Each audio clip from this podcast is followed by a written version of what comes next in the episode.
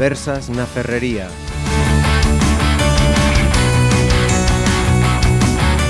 Saludos a todos. Nos vamos a calzar las zapatillas, ropa cómoda y vamos calentando estas conversas na ferrería antes de comenzar a trotar.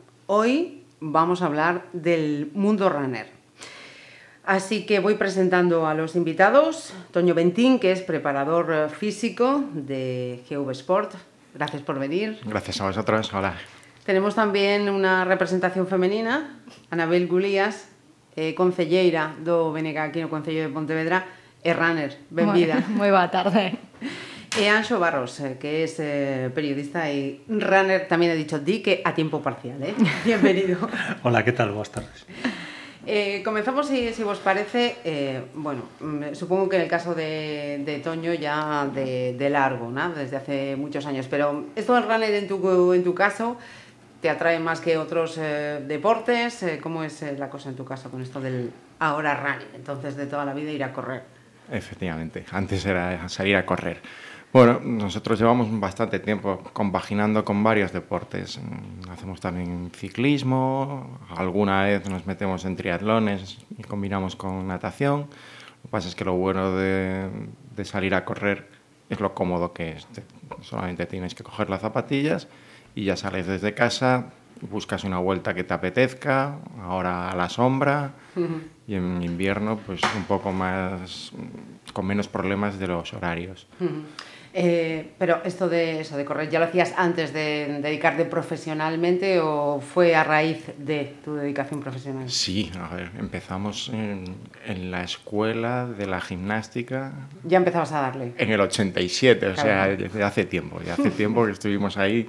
Y eso, la verdad que ahora te das cuenta de que esas cosas que aprendías de pequeño, pues es más Tienen fácil. Un pozo, ¿no? Es más fácil pues la técnica de carrera, aprender ciertas cosas que cuando la gente ya lo pilla de mayor, que ya ves pues por de formación profesional, te fijas en cómo corre la gente y ves pues que dices tú, bueno, pues he tenido suerte. Uh -huh. No tuve la suerte de poder ir a natación por, cuando era pequeñito y nado fatal, pero por lo menos correr no se me da mal en, desde el punto de vista de, de la técnica. Ajá. Luego el rendimiento es otra cosa.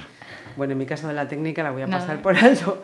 Anabel, no teu caso, cando te aficionas a isto de o, do running? Bueno, a verdade é que, claro, falaba de técnica, técnica pouca e runner como no caso de, de, de amateur total, non?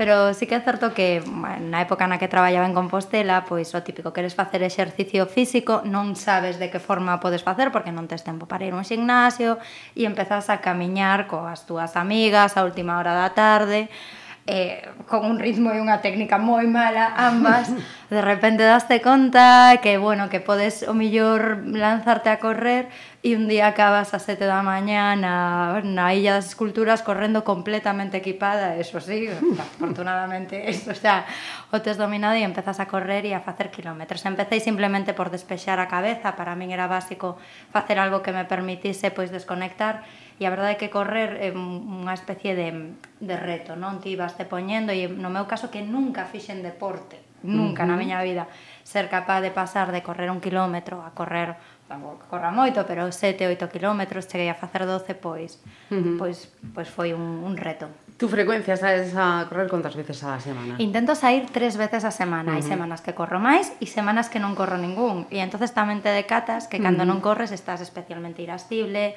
que algo che falta, que notas que, que vamos, que, que tes que facer algo, que te tes que mover. Uh -huh. E no meu caso, es intento mínimo tres veces a semana uh -huh. sair a correr. Vamos con, con Anso, que ya lleva años en esto del running y, y medio profesional, medio amateur. No te rías, que ya nos vamos conociendo, porque yo me acuerdo la primera vez que te vi en, en una media maratón, dije, claro. bueno, este lo del aficionado lo dejo atrás. Añosa, cuéntanos, ¿cuánto tiempo llevas metido en esto del, del bueno, running y qué nivel tienes ya? Bueno, realmente o de correr non é o meu deporte primario, porque eu empecé, eu empecé primeiro xogando balomano no Teucro, Fichoume Ángel Madaleno, precisamente. Despois xoguei escasamente ao fútbol porque mm, as miñas dotes futbolísticas son moi escasas. Eh, durante moito tempo ando en bicicleta de montaña, en bici de todo terreno, deporte que me encanta, pero que ten certos perigos, bueno, e en Pontevedra hai moita afición, por certo. E finalmente, mmm, cando tiña 20 algo anos, empecé a correr. Primeiro empecé, eu recordo que vivía en Pollo, daquela, non? E empecé a correr, pois non sei, porque non sei por qué Eh... Isto me recorda unha película, Ancho. Sí, sí, estaba pensando de feito unha película, pero eu teño un irmán que como 10 anos máis novo que min que estaba na gimnástica e meu irmán Miguel era, ese sí que era bo, porque ese foi su campeón galego de cadetes. Recordo que tiña 14 anos e facía un minuto en dous minu en eh, un kilómetro en 2 minutos e eh, 50 segundos, ¿no? Un rapaz de 40 de, perdón, un rapaz de 14 anos, ¿no? E entón eh, empezou a decirme, no, ven correr comigo e tal. Entonces íbamos por ali por Pollo, tiñamos un circuito pola zona de Lourido e o tío sempre me humillaba na costa de Campelo, non? Agardaba por min, iba mirando para atrás a cousa horrorosa de que facía o mínimo esforzo, miraba para atrás e cando ya que me achegaba el, o tipo metía un acerón e sempre me humillaba. Entón, propúseme vingarme del, tardei moitos anos que teño que ter que conseguir. e así vamos tirando. E a día de hoy estás en un nivel ya mm, considerable. No Mira, mm, esto de correr hai que ser humilde porque os anos van pasando, as recuperacións non son iguais, despois empezas a lastimarte cando faz deporte demasiado intenso e levo unha temporada mm, enganchando lesións, non? Levo como un ano que non sou capaz de correr. De todas as, de todos os xeitos a min o tema das marcas me parece ridículo porque cando un vai a unha carreira popular se decata perfectamente uh -huh. e falo de medio maratón, maratón, 10.000, 5.000 moitas veces me pregunto se teñen máis méritos que chegan de últimos que os que chegan de primeiros e eu creo que teñen máis méritos os que chegan de últimos uh -huh. porque a fin de contas unha carreira popular é participación sen participación a carreira popular non é nada. non sería uh -huh. e os que uh -huh. chegan de primeiros son pseudo profesionais polos que eu teño bastante menos respeto que pola tropa vulgar que chega da metade da, da carreira para atrás. Toño, sí. sale en defensa de, de, la tropa vulgar que necesitamos ese cable. No, no, nosotros nos nutrimos de la tropa vulgar. O sea, es lo que dice Ancho.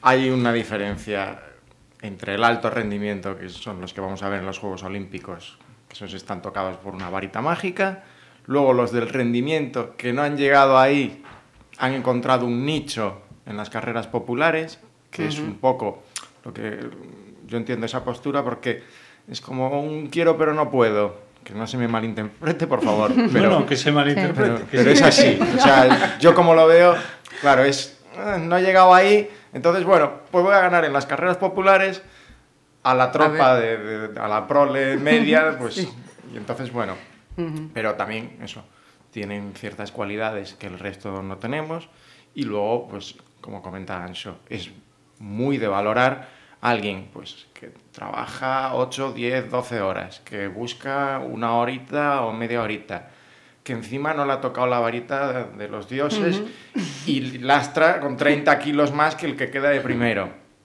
El que, que le roza pantalón. que le roza el pantalón, que le roza la camiseta, que las sisas. O sea, y que realmente, si valoras el esfuerzo, uh -huh. muchas veces mm. tiene mucho más mérito eso alguien que se pasa dos horas sufriendo para terminar una media maratón, que bueno, que el que lo hace en una hora quince, una hora veinte, una hora diez, hmm. que bueno, pues oye, tiene otras cualidades, pero también es muy valorable, porque mucha gente no va a llegar nunca a eso, pero hay que considerar pues eso, que en deporte popular cualquiera que tiene el valor para ponerse un dorsal y arrancar en cualquier carrera, ole por tiene él. Un ¿eh? mérito de, de Ole por él. Eh, y cuando empezamos a, correr, uh -huh. ¿ves que somos demasiado inconscientes, que enseguida nos tiramos a la carrera o cumplimos con esas pautas de, como tú nos tienes señalado, eso de correr, caminar, correr, caminar, calentar, estirar o en general la mayoría... La teoría prácticamente se la sabe todo el mundo. La teoría prácticamente se la sabe todo el mundo y todo el mundo dice, no, sí, porque llegado a cierta edad hay que hacerse primero un chequeo médico y luego una prueba de esfuerzo y, y, ir poco a poco y no quemar etapas y tal, pero luego, una vez que han probado, se calienta, se calienta con el vecino, con el compañero de trabajo, con el cuñado, con quien sea, uh -huh. y ya empezamos a saltarnos pasos. Y empiezan a venir pues, lesiones o molestias o mira que, me, o en el peor de los casos, pues eso, casos en los que, pues en las mm. carreras, por desgracia, pues... Esa, esa era otra cuestión, antes de, de, volver. Efectivamente, eh, estos casos que estamos viendo de, de personas que están falleciendo durante las carreras, poco después de, de las carreras, ¿A qué se debe? ¿A que ahora el número es tan grande que efectivamente por estadística ¿no? se, se puede dar la circunstancia sí. o es resultado de, la inconsciencia? Efectivamente, por estadística es mucho más fácil. Pues ahora un fin de semana puede haber 3 millones de personas corriendo. Pues oye, pues por estadística un 1% o menos, de, o sea, es, sí, que podría te sale mucho menos de un 1%. Casa y resulta que te estaba sale, corriendo. Te sale a lo mejor, pues eso, un 0,3%, pero claro, se le da como mucha más notoriedad. Eh, cuando pasaba en el fútbol hace 3, 4 años que empezaban a morirse por muerte súbita y no lo sabían, la estadística era mucho más alarmante, porque corredores, un fin de semana, pues eso, 3 millones, uh -huh. pero futbolistas profesionales son 400 entre primera y segunda división. Y si se mueren dos, ya salta mucho más la estadística.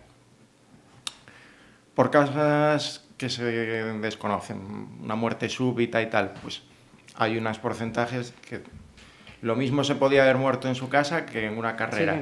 pero se desarrolla en una carrera y bueno, la parte, iba a decir buena, pero vamos a decir menos mala, es que la gente toma conciencia y con estas cosas se asustan. Entonces, bueno, pues alguien que ya tiene cierta edad, que tiene un poco de sobrepeso o algo de tensión alta, pues ya toma un poco más de medidas, de, de medidas de pues oye, me voy a ir al médico y nosotros sí que lo hemos comprobado, porque uh -huh. la gente que entrena con nosotros, eso, que tiene algún, alguno de los riesgos, pues ya pasa primero por el médico, hacen una prueba de esfuerzo, van al cardiólogo y aunque no te quita de que te pase nada, pues oye, has puesto más medidas de prevención, que nosotros uh -huh. también defendemos mucho ese trabajo de prevención, uh -huh. sobre todo en la práctica deportiva, pues eso, amateur. Uh -huh. Yo en mi caso tengo que reconocer que me eché a correr sin prueba médica, sin tal, sí que venía de hacer ejercicio y tal, pero. Mm. pero sin nada. E Anabela así con la cabeza, no, imagino que tamén. Sí. E Anxo creo... leva toda a vida facendo deporte co cal. No, eu creo que morre bastante máis xente mantendo relacións sexuais que correndo. Dios mío, pero estades me asustando. No eh... Todo lo divertido resulta que va a ser. Morreu xente indo a votar, sabes? No, bueno, pero mira, pero mira, Anabel, isto mismo co tema dos accidentes de avión. Se, se fala moito e sale moito nas noticias, pero se vas ás estatísticas te das conta que morre menos xente en accidentes de avión que en calquera outro medio de transporte. Entón, aquí, Bentín explica uno perfectamente. Aquí hai varios problemas. En primeiro lugar, que hai que ter sentido común. Menos pulsómetro, menos tecnoloxía, menos aplicación de móvil, programita para ver a miña mellor, etc. etc. máis sentido común É decir, un vai unha carreira e se queda asustado. Pasas polo kilómetro 1 empezan a pitar los pulsómetros por todos mm. los pi, pi, pi, pi, pi. E eu levo un reloj destos de hai 400 anos que hai que darlle o botonciño e tal. Me vale exactamente igual, non? O sea, realmente ti non sabes se vas pasado ou non vas pasado. Non sabes se vas agónico ou non vas agónico. Mm -hmm. Pois non agonices.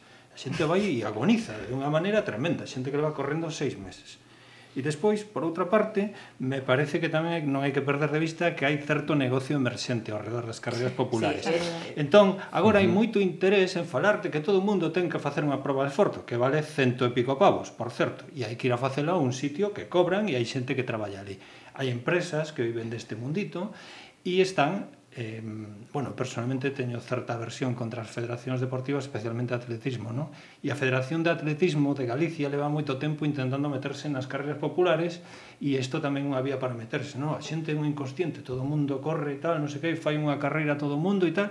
O sea, moita xente tratando de ver a ver como podo levar unha mordida das inscripcións que paga a xente que corre, non? Uh -huh. E non sei, creo que hai que ter sentido común, volver ao que é isto, un pasatempo, unha maneira de divertirse, ter un estado de forma aceptable, relacionarse, oxigenarse, conocer xente nova e de vez en cando ir a unha carreira tan maravillosa como a que estuve outro día en Cambaos, en Ouviña, desas que che poñen un dorsal feito a man, uh -huh. non hai cronometraxe, vas pasando por uns puntos e te van dando unhas tintas de colores para demostrar que non colleches ningún atallo, non? Uh -huh. Pues a mí personalmente me parece tan gratificante como calquera carreira con cronometraxe de última Micro, xeración sí, sí. e con 50 alfombras de paso. Uh -huh. eh, decías lo del, lo del negocio. Negocio también en todo lo que conlleva zapatillas, ropa, relojes, eh, GPS, eh, bebidas eh, en vuestro caso, que habéis caído en ese, porque además también circulan muchos memes de mmm, comprueba si eres un auténtico runner y empiezas ahí a ver toda... Y tienes el checklist y Sí, sí, sí, sí. Pero eu creo que eu apuntaba Anxo, non? Que se crea un negocio emerxente, eu estou de acordo, non? E aí ten eso ten cousas positivas e cousas negativas. Está ben que os med eh, que os modelos de lecer vayan cambiando e agora o running, o correr é algo que fai moitísima máis xente tamén, porque nun momento de crise no que non todo o mundo se pode pagar un ximnasio mensualmente, salir a correr o fastí, mm. o teu tempo, a túas aforras cartos, quero decir tamén unha forma ou creo que a crise tamén influiu nesa forma alternativa de practicar deporte.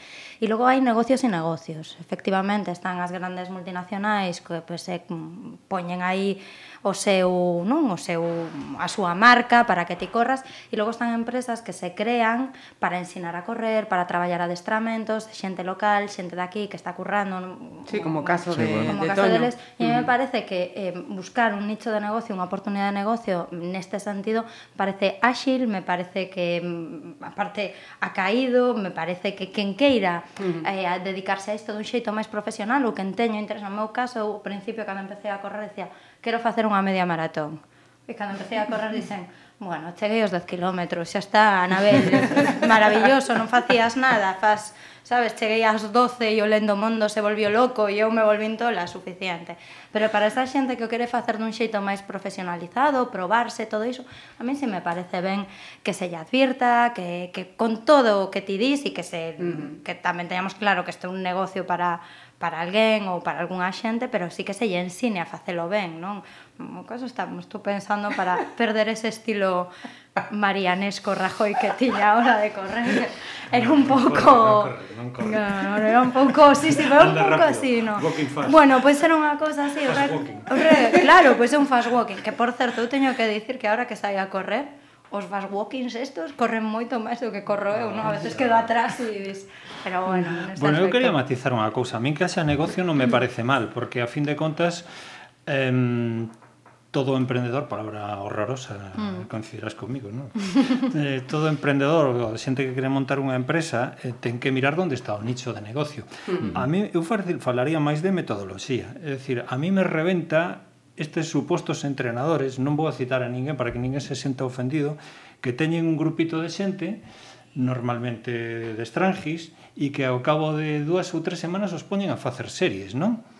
Eu creo que o proceso de botar a correr, sobre todo cando un empeza a correr a partir de certa idade, é un proceso adaptativo. Hai que ir, mm, normalmente, unha das claves do éxito é frear a xente, e a xente sí. ten que aprender a ah. descansar, ten que aprender a entrenar subindo moi pouquiño a pouco a carga de traballo e para iso ten que haber alguén que lle dé pautas correctas. Uh -huh. E podo botar unha maga a Ventín, eu creo que a empresa de Ventín eh, traballa un pouco nesa liña, non? Uh -huh. E hai outro tipo de xente que ah, leva correndo un minuto e xa están obsesionados con facer un 10.000 a 4 minutos o kilómetro, non? Pois, pues, oye, pois pues prohibido, tío, uh -huh, xa chegará. Sí, sí, sí. E ao mellor hai que botarse un ano aí a ver como vai a cousa e non facerte dano de ningún tipo e tal, e despois, cando leves un ano ou dous anos correndo, vamos a por marcas, non? Bueno, se interesan as marcas. Eu personalmente sí, Unha temporada sí, que estaba obsesionado con facer decían, marcas e ahora retarse, me re, retarse ponerse un reto, pues decir, bueno, voy a ver ah. unha media, pero como dices, uh -huh. un año, dos... Bueno, co do medio maratón que di Anabel é unha cosa moi curiosa. Bueno, a, a, a ver, eu casi prefiro os que van ás maratóns, porque os, van, os que van ás maratóns van a facer turismo, non? Uh -huh. Tal famoso turismo de maratóns, non? Sí, eh, un ano van a Berlín, cando xa foron a Berlín van a Roma, eh, sí xente do meu grupo foi a Viena este ano e tal, e entón van coñecendo o mundo con el rollo tal, non? eu teño que decir que coñezo Galicia gracias a correr, porque uh -huh. estuve en sitios onde non iría nunca sin, si non fuera por las carreras. sí, pero, sí. pero o tema do medio maratón é, é moi sintomático porque xente que leva dous ou tres meses correndo están obsesionados con facer sí, un medio sí, maratón e non todo o mundo ten por que facer un medio maratón Dos claro. o tres al año. Claro. Que son 20, aunque no. O sea, que, sí, Dos o tres al año. A ver, sí, sí. tampoco de tanto. Pero, no, claro, si o faz habitualmente, pero eu cando, ao principio cando empezas a correr, empezas a correr xa unha cantidad mm. tal, dices, venga, tal, ostras, eh, son cousas, eu eh, de verdad que non me beso para facer unha medio maratón e, bueno. Sí, nosotros, una de las cosas que más le llama la atención a la gente que empieza a entrenar con nosotros es, además, el 90% de la gente nos lo dice, es, tampoco. Vamos a entrenar tampoco. Y precisamente porque es que la parte fundamental del entrenamiento es asimilarlo y recuperarse. Entonces, claro, alguien que es profesional, que se dedica a esto, tiene 24 horas para dedicarse a esto. Y para recuperar, y para alimentarse bien, y para que te den un masaje. Pero si tú trabajas 8 horas y además entrenas, es que ya estás acumulando 10 horas de entrenamiento prácticamente, porque aunque quieras que no, ¿Y el si trabajo... tres pisos? Y si subís aquí, efectivamente, ya tenéis las, el trabajo de fuerza hecho. y la gente se vuelve loca y quiere hacer series y quiere... A... Y dices tú, pero es que, a ver, si es que has empezado hace tres meses uh -huh. o, o, dos semanas, ¿dónde vas? Uh -huh. Si no tienes hecha unha base. Pero, Bentín, eu en, sigo algunhas cousas que facedes vos e eu vexo que vos facedes exercicios de técnica, exercicios de recuperación, moito gimnasio, eh, uh -huh. descansas de tempo, tal. E, sobre todo, a xente que traballa con eles comenta eso que dices ti. A min os entrenamentos que poñen me parecen floxos, de verdad. Sí, sí, sí, Digo claro. que me parecen floxos, pero eu, cando fago series, normalmente fago traballos máis intensos, non? Pero mm, creo que para chegar aí hai que facer un camiño, non? Claro. E entón mm, me parece básico que hai que frear a xente, porque co tempo aprendes que descansar é tan importante como entrenar. Sí, sí. Y es que, y lo ves, porque cuando alguien se lesiona, cuando vuelve a competir o tal, es cuando mejor está. ¿Por qué? Porque ha estado descansando todo ese tiempo que no tenía tiempo de descansar. Y porque todo proceso de entrenamiento tiene que seguir una, una lógica, que es meter una base, y si no tienes hecha la base no puedes, pues eso, no puedes construir una pirámide invertida porque se te va a caer. Entonces vienen las lesiones, vienen los problemas. Y luego, de todas formas, volviendo atrás a lo de los reconocimientos médicos y tal, el básico que te pueden hacer en el, en, bueno, en el reconocimiento de de en los reconocimientos de trabajo y tal, ya te descarta muchos problemas. Un, un A mí cardio. me mandaron, mira, cardiólogo. Claro. Porque, porque tenías el pulso muy bajo. Soy bradicárdica. Claro. Llegas ahí con Claro. 40 pulsaciones y te Y dicen, dices, "Cardiólogo". "Buah, eres un- Pero claro, después esos que entran antes y después de ti te entiendes porque te... Claro, porque sales de la media también. Pero sí, con, con un reconocimiento médico básico, ellos pueden detectar, pues eso, que no tengas ninguna anomalía y tal, luego, pues, antecedentes familiares y esas cosas, es lo que cada uno ya sabe lo que, de que se murió su abuelo o su padre o lo que sea. Eh, antes, luego hablamos de, de los entrenos, pero mm, todo esto del, de- del merchandising, ¿no? Eh, ¿Es mito o no es mito? Por ejemplo, los calcetines estos que te ayudan a no tener lesiones, la camiseta que te tal. ¿Hacemos caso de esas cosas, Toño, o es puro... A ver, hay Marketing. un montón de cosas que la ciencia se ha dedicado pues, a sacar estudios para demostrar que no funcionaban. Porque es cierto que sí que ves, si sabemos ahora, los ves con esas Claro, chillonas, pero ¿verdad? una cosa es que no mejoren el rendimiento gracias a eso y otra cosa es, pues oye, que tu sensación sea mejor. Y a la hora de correr cada uno sabe que su sensación es la buena.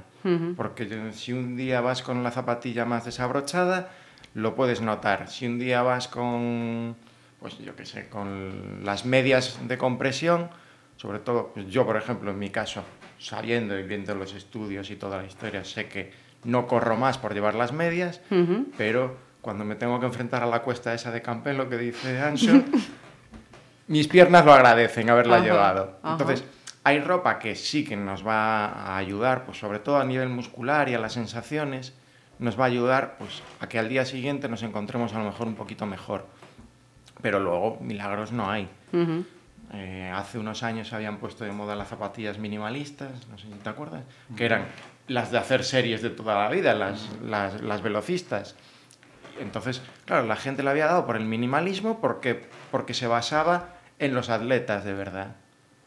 Porque son los que corren muy bien, tienen una técnica muy depurada, no apoyan de talón, etcétera. Pero claro, se lo quisieron vender a la gente runner Que corren al doble del tiempo, que no tienen esa técnica y que tienen pues 20, 30 kilos más que un corredor profesional. Entonces ahí empezaron a venir problemas, empezaron a venir pues tendinopatías, eh, alguna fractura por estrés en los talones. Entonces, bueno, siempre que haya una moda tenemos que observarla un poco con cierta crítica y verlo desde la distancia y decir, oye, esto que nos están vendiendo aquí, ¿qué es? Porque últimamente yo he visto hasta unas pesas que te pones en los cordones para que tengas más noción de, de, cómo va el pie y cosas así.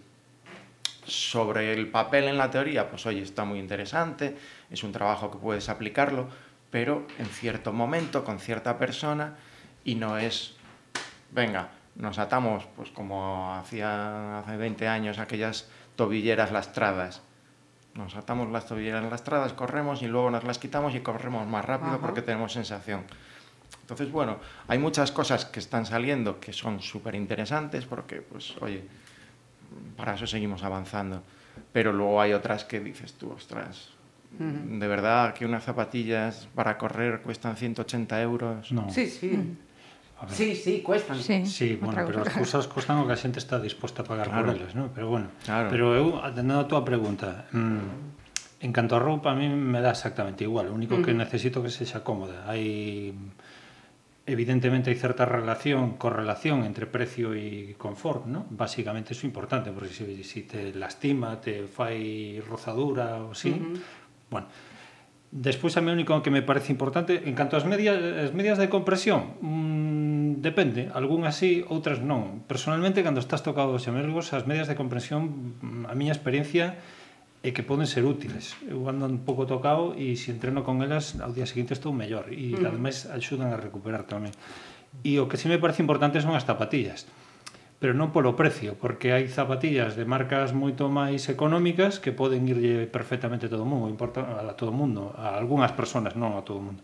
O importante é acertar no tipo de zapatillas, saber como pisa cada un e aí volvo a insistir, é importante estar con xente que te sepa asesorar e que mira a túa maneira de pisar e te dice, pois bueno, este tipo de zapatilla, esta non, mm, o que di Bentín é moi típico, xente que leva zapatillas destas voadoras, entre aspas, uh -huh.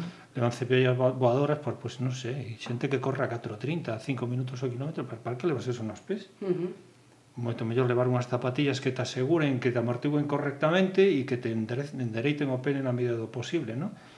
Bueno, pero realmente, o que decía Anabel tamén, é un deporte barato porque o único que necesitas son unhas zapatillas. Uh -huh. no, e nada que... de que penses, ni de reloxos destos de 400 euros, ni, ni nada. Runtastic, ni Porque decías tú 180, pero a xente paga 400 pavos por un peluco. Eh? Uh -huh. Paga mogollón, pero sí que, sí que é certo, me estou dando conta primeiro, o meu nivel de aficionada chega a niveles uh -huh. infratal, porque dudas medias de comprensión, de comprensión, que es comprensión, comprensión, de comprensión, e compresión, nunca na vida subín a costa de Campelo con un chándal bastante cutre, eh, casi non chego, pero non creo que fora problema do chándal.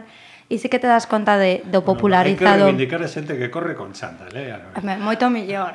Temos un estilo moito máis... En plan máis... Rocky, eh? Home, claro, temos un estilo... E con capucha... E no meu pues... caso, nalgúnha playlist, coa canción de Rocky nunha cover que é moi molona, pero era unha cover. E chumas para sudar. Cuidado, aquí estou calquera día vesme nas ah, escaleiras de San Francisco celebrando a chegada.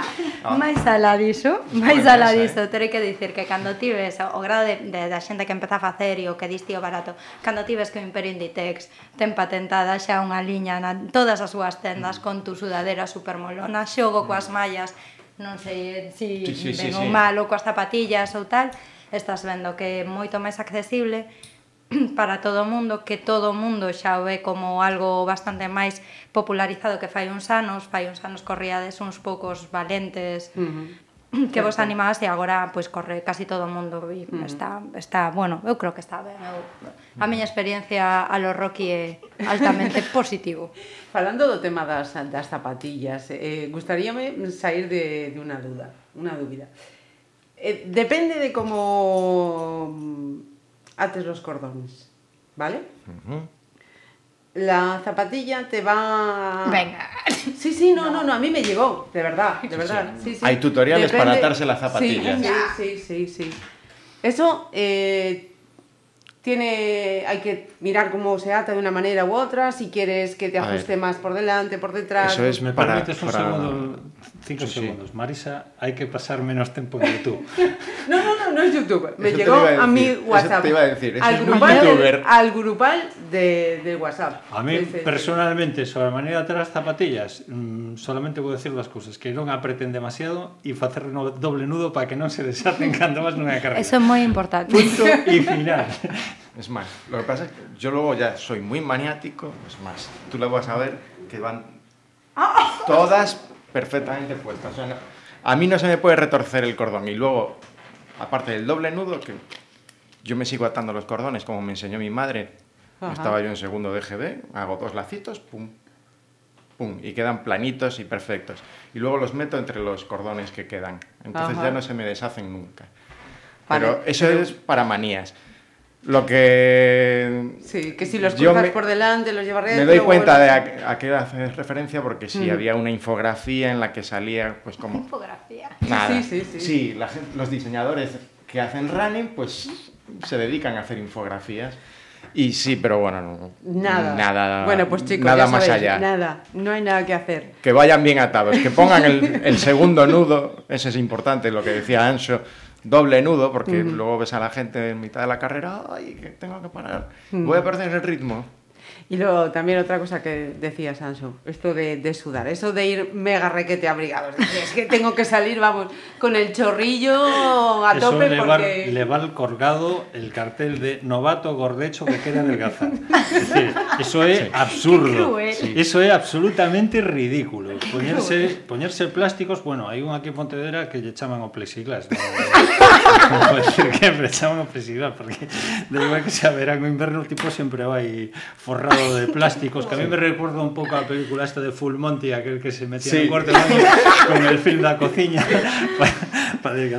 a ver, eso de, eso decía Martin Fitz. Mira, Martin Fitz tiña unha revista moi bonita en na que lle preguntaba moito isto, se si era algo moi bo suar, ¿no? Entonces mm. lle, había un que lle escribía unha carta e decía, Martín, é que non, é que non non me poño a suar cando vou a correr os sitios. Dicía, joder, por que sorte tes? Uh -huh. Porque ni te deshidratas, ni perdes sales minerales. Claro. Ajá. Que claro. es lo que se pierde sudando, ni más ni menos, claro, ni más ni kilos ni, ni menos más, kilos. Ni más ni menos. O único que faz é virte abaixo porque o corpo se deshidrata uh -huh. e perde elementos que necesita para funcionar. Uh -huh. sí. Y lo de... Porque en el grupo... Bueno, antes de hacer esta aclaración, Ana, eh, entiendo que tú vas a correr sola. Sí, pero prefiero correr sola, sí. Ah, Anxo de todo, remedio, de todo. Anxo, vai, vai facer unha invitación para que vayas no, no, con eles. A mí me da medo ir a correr con Anxo porque vexo que ten todo o mundo runner Fichado. fichadísimo, sí. no, Está estereotipado. Está aí completamente. Dame moito medo. Tú entras dentro de unha escala seguro. Claro, tamana, xa me chamou Rocky. Anxo Barros eres moi cruel. Siento, voy a ir detrás tú analizando estilo Anxo. Bueno, a ver...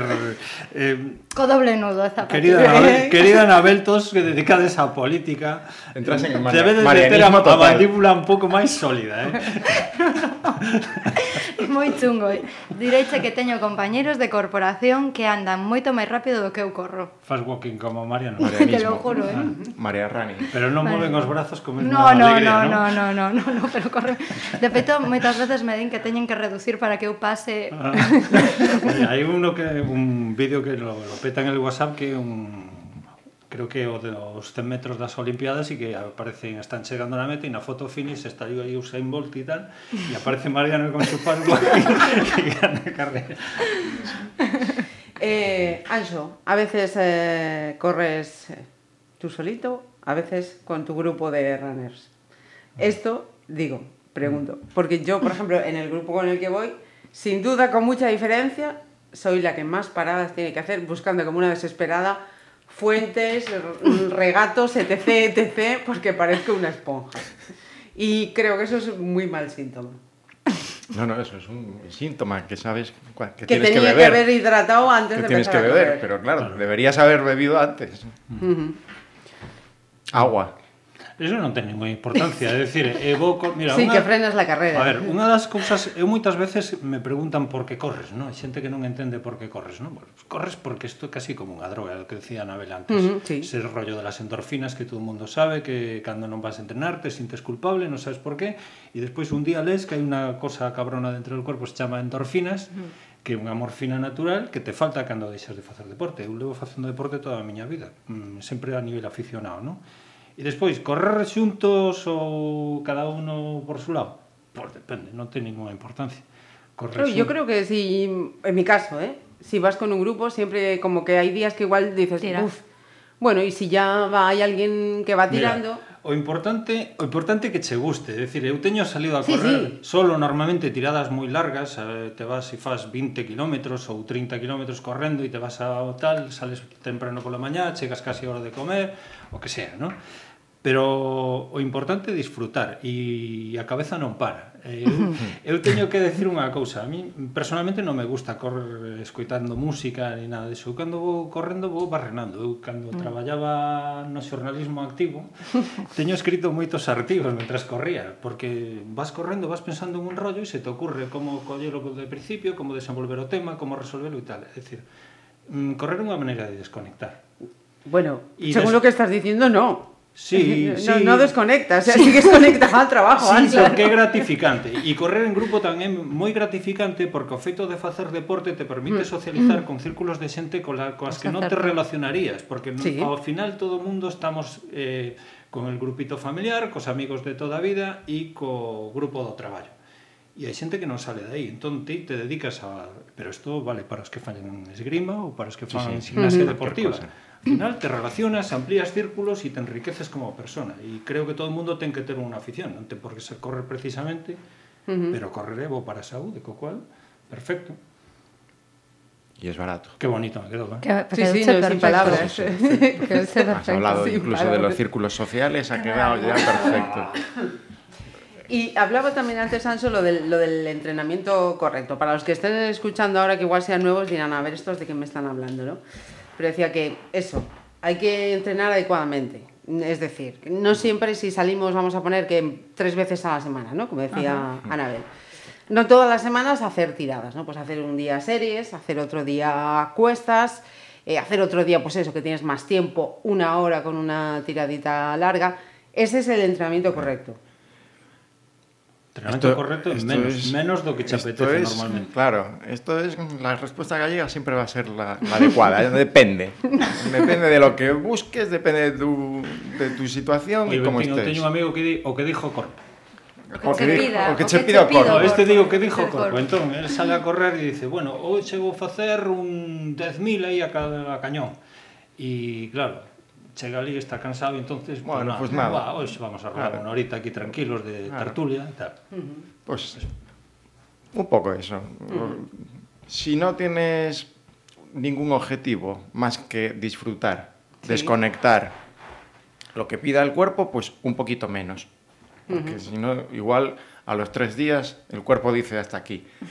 Si queremos empezar a preparar cualquier cosilla, pues sí, uh -huh. empezamos con sentidiño, que es un poco lo que sí, hace para falta todo. para todo, y es pues no saltarse pasos, ir poco a poco, depende, pues cada uno sabe lo que está haciendo. Si uno ya ha tenido una actividad física de pequeño o de toda la vida, como es el caso, pues ya sabe, uh -huh. ya te conoces las sensaciones, ya no hace falta un pulsómetro porque por sensaciones ya sabes cuándo va reventado, cuándo no. O sea, tú puedes hacer una escala muy facilita del 1 al 10 uno muy fácil, 10 muy duro y decir, bueno, pues me encuentro cómodo en el 5 o 6 y no pasar por ahí. Nosotros estamos trabajando ahora un poco enseñándoles a, gente, a la gente que empieza a entrenar por sensaciones para que no dependan tanto de los aparatos.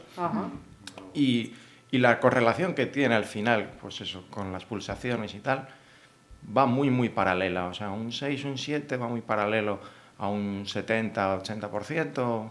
Y, y, luego, pues eso, ya un 10, ya sabes ya que estás petado, ya sabes que vas a morirte en ese momento. Entonces, es muy importante, porque a veces la gente no sabe, lo, lo decía Anso antes, en las carreras ves gente que en el kilómetro uno va pasada uh -huh. y que llegan desencajados, babándose. Digo, mantén un poco de compostura, que estás llegando el 50 y pico minutos en el kilómetro 8. O sea, no, no es para ir así de muerto.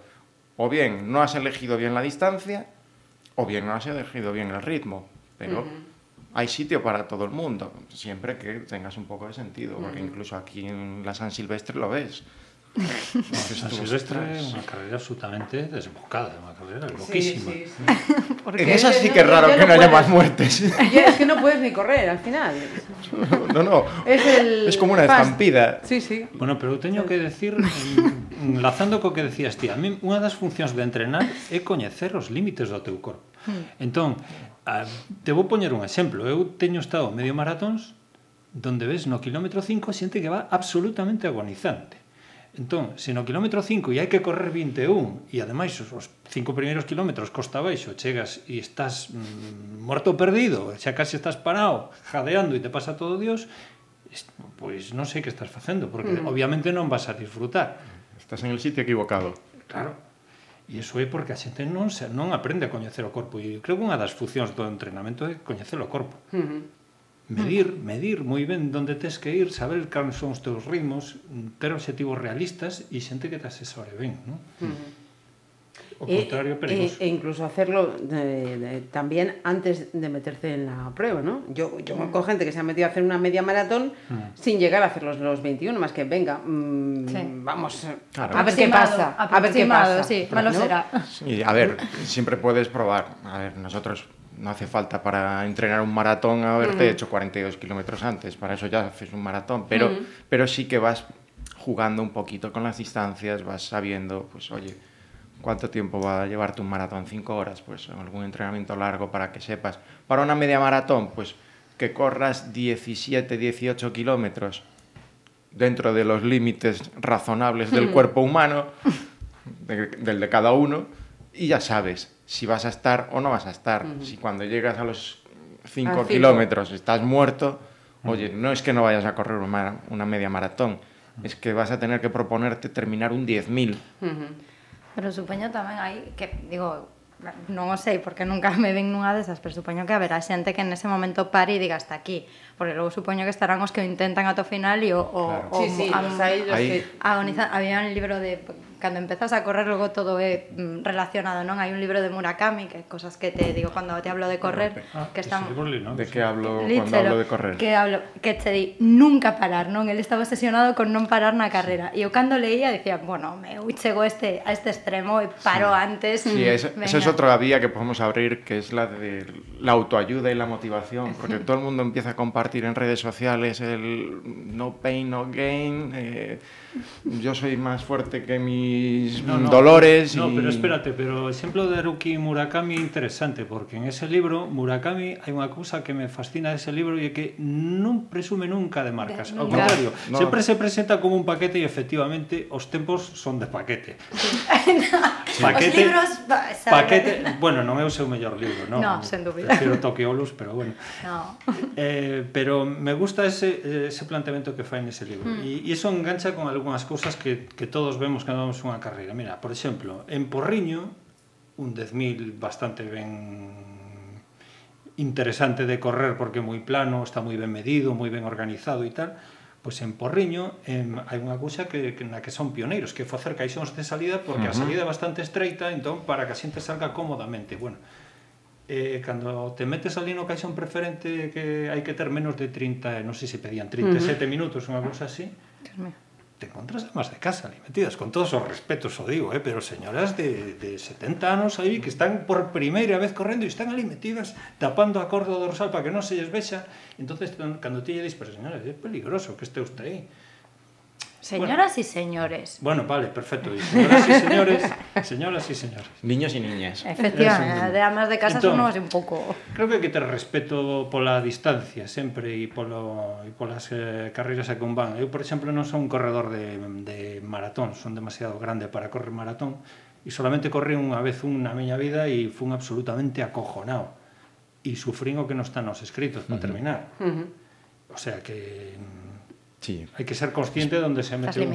Es muy importante. Claro, claro. Lo que decía Ancho de, de, tener respeto. Respeto, o sea, o deporte, os outros deportistas e, e a distancia. Mm. Porque a xente, eso, o ve así como, va, pois me meto na primeira liña porque así salgo de ante e tal.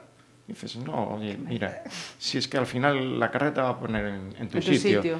Y, Pero, y lo que vas a hacer... parte da culpa de eso teñen os organizadores de carreiras que, baixo o meu punto de vista, erróneamente priorizan cuestións como os tres primeiros, ah, podium, non sei que, non sei cuánto uh -huh. e tal. entonces este se leva a 300 euros, o outro 400, e o que dis ti, xente que non é ninguén. E andan por aí presumindo que ganaron a carreira non sei onde tal. E a min, personalmente, un señor de 60 anos ou de 70, unha señora hai unha señora en Cuntis que se chama Celina, que é unha pasada, esa tía vai a todos os lados e corre estupendamente para a idade que ten, E esa xente, para meu gusto, está moi pouco valorada eh? e ten bastante máis mérito. Sí. Uh -huh. Entón, este rollo del divismo e el elitismo de os 4 ou 5 que van por aí a ganar carreras e a recaudar, porque é o que van, pues, non sei, a mí personalmente non me interesa. Uh -huh. Hmm. Sí, no, no, eso está claro que una prueba popular en la que hay premio en metálico a los tres primeros, ya empieza a chirriar. Entonces, habría que buscar a lo mejor pues eso, otro, otro formato o, como decía Ancho, valorar realmente esas carreras máis populares nas que o dorsal xa poñen a man, aquellos dorsales de Coca-Cola de cartón con, con imperdibles eran lo mejor del mundo. Me acordo anos en Pontevedra que había carreras de ese tipo, que andaba FIS organizando carreras de estas y prácticamente eran las únicas que había, ¿no?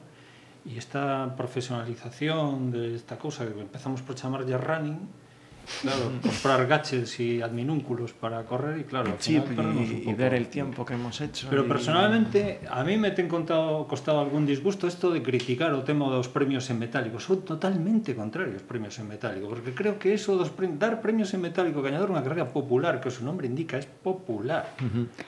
Pero... Por lo tanto, habrá que incentivar a participación popular e haber que ser máis imaginativo. Pero, claro, tanto cobrar inscripción tanto premio metálico, porque moitas veces te preguntas, oye, para que son as inscripcións? Para que estes uh -huh. señores se leven 300, 400 e 500 euros cada un? Sí, no, porque hai muchas inscripciones que de baratitas, nada. Bueno. Eso hai de todo. Pero creo que pola demanda, eh, uh -huh. hai de todo, efectivamente, carreiras de diferente nivel e eu creo que tamén aí está o bo, non? E, que claro, cando estamos falando de cuestións que agora mesmo están tan de moda, e tan difícil saber cales son os tipos de carreiras, e, eh, onde te vas a topar a gusto, onde non, os premios en metálico, a mí non me parece mal que haxa carreiras con premios en metálico, pareceme mal no, no, que ese sexa digo, que ese sexa o fin último ou que haxa xente que pois pues, teña unhas condicións moitísimo mellores da media día que vai a, a correr e se aproveite deses premios, aí pode coincidir, non? Pero isto é pois como os desfiles de Entroido tamén hai premios, e unha cuestión popular e hai xente que traballa e xente que adestra. Uh -huh. pois para, para facerse unha media maratón para gañar ou para ter un tempo e que se amen, eso tampouco me parece mal. Todo depende de, de como enfoques ti. No meu caso é unha, unha cuestión o de correr por, desestresarme, por sentirme ben, por estar mellor. No caso de xente que fai, pois como pois fixo deporte e agora está pois neste punto e quere gañar e tamén é lícito querer gañar e querer facer mellores marcas e buscarte o teu sistema de adestramento e buscar como mellor estes, non sei, eu creo que estamos nun momento no que como o fai tanta xente, como hai tanta demanda, como hai tanta tanta historia, pois un momento realmente diferente ao que había antes. Antes, canta xente corría? Nada, nada poquísimos. Nada. Canta xente se anotaba nas carreiras? Hmm. Agora hai de hecho, es que había tres o cuatro y ahora hay 30 o 40. Claro, pero bueno, también es verdad que antes a una carrera tenías que ser prácticamente atleta para ir. Claro. O sea, eran carreras que un 10.000, alguien que pasase de 40 minutos en un 10.000 no pintaba nada prácticamente. Y a raíz de que se hicieron populares, se abrió para todo el mundo. Pero claro, abres las populares y dejas también a los que estaban antes ahí corriendo rápido. Yo, por ejemplo, en ese aspecto me enfoco un poco como ancho. Y a lo mejor la gente que está federada en atletismo y compitiendo a nivel de atletismo, pues oye, vete a las carreras de atletismo, pero en las populares, si vienes, no puedes acceder a premio o, o, o de otra manera.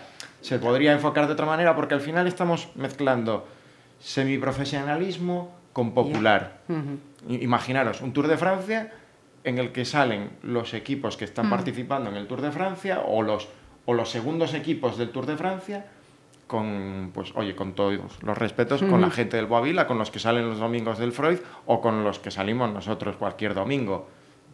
Hay un gap ahí que no, que no cuadra. Hay algo que no cuadra. No sé, o mellor é porque uno y en las marchas ciclistas está empezando a pasar lo mismo. O sea, hay mucho ex profesional o, o alguno que no ha llegado a profesional que está arrasando en las marchas precisamente por lo que dice Anso. ¿Por qué? Porque te llevas 300, 500 euros por ir a correr sabiendo que vas a correr con, con matadillos. Acabas de dar no claro, mira, eu... Sí, verás tú mañana. Na, na miña... ¿Matadillos? no, no, me... eh, desde su punto de vista. Hubo unha temporada que era, eu era moi aficionado a ir a, a probas de mountain bike o de bici BTT, mellor dito, de longa distancia de tipo maratón de 100, cento e pico kilómetros tal. En Portugal facen a, fixeron algunhas estupendas. E unha que me gustaba moito que en Asturias se chama Transcantábrica. Fun solamente ah. unha vez gracias a un amigo que se pasaba polo parque de Somiedo e demais. Uh -huh. Bueno, era fascinante ese sitio, porque resulta que salías, eh, subía un asturiano a teito dun coche e decía, bueno, amigos, aquí non hai clasificación, así que se queredes correr, corredes, pero que chegue primeiro gana o mesmo que o último. Aquí se pagan inscripcións, se sortean os regalos entre todo o mundo, chegue ou non chegue, e aquí vimos a disfrutar. E efectivamente, dan el pistoletazo de salida, salen fogueteados e sempre hai algún que quere ganar. Pero claro, xa che din directamente que non é competitivo. E ti cando chegas a pola de Somiedo, que era a meta aquel día, Uh -huh. Resulta que non había clasificación, non había ninguna lista no coa xente que chegara e tal.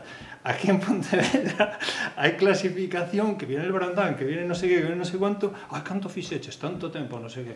Bueno, hai certa obsesión con este asunto. Uh -huh. Pero bueno, e despois con respecto ao tema das inscripcións que antes comentaba Marisa, a mí me parece que tamén é xusto recoñecer que hai algúns sitios onde se fai un esforzo por ter precios uh mm. -huh. moi contidos. Pontevedra é un exemplo delo, creo que no circuito de Pontevedra... No, non me refería a Pontevedra precisamente. No, no, pero en Pontevedra é mellor que todavía que, que eso se fai unha cousa e que eu podo decilo porque desgraciadamente é unha experiencia personal. En Pontevedra unha persona que está parada corre gratis as uh -huh, carreiras. Sí, cierto. E iso non se fai moitos lados, eh? Uh -huh. E polo tanto tamén temos que ser conscientes de que se fan as cousas ben tamén uh -huh. hai que decilo. Sí, sí. Uh -huh. Pues eh, chicos, así pasito a pasito, casi una horita así de tertulia, yo he disfrutado mucho, igual, como igual. cuando vamos a correr. Eu aprendí moitísimo a comprar unhas medias. Y en septiembre, octubre a la media de Pontevedra. Vamos a media. no, creo que no. Toño, Ana Voy a pedirle a Anso que me bote unha man coa Efectivamente. Perso personal trainer, a partir de ahora. No, personal trainer de ti. Anso vinche un control tremendísimo sobre... Bueno, bueno, está, está... Está, ¿no? Se, se solamente dicen que hay que entrenar menos y correr menos. vale. Eso es lo que la convenció. Claro, vale, perfecto. Bueno, os dejamos, nosotros seguimos aquí charlando.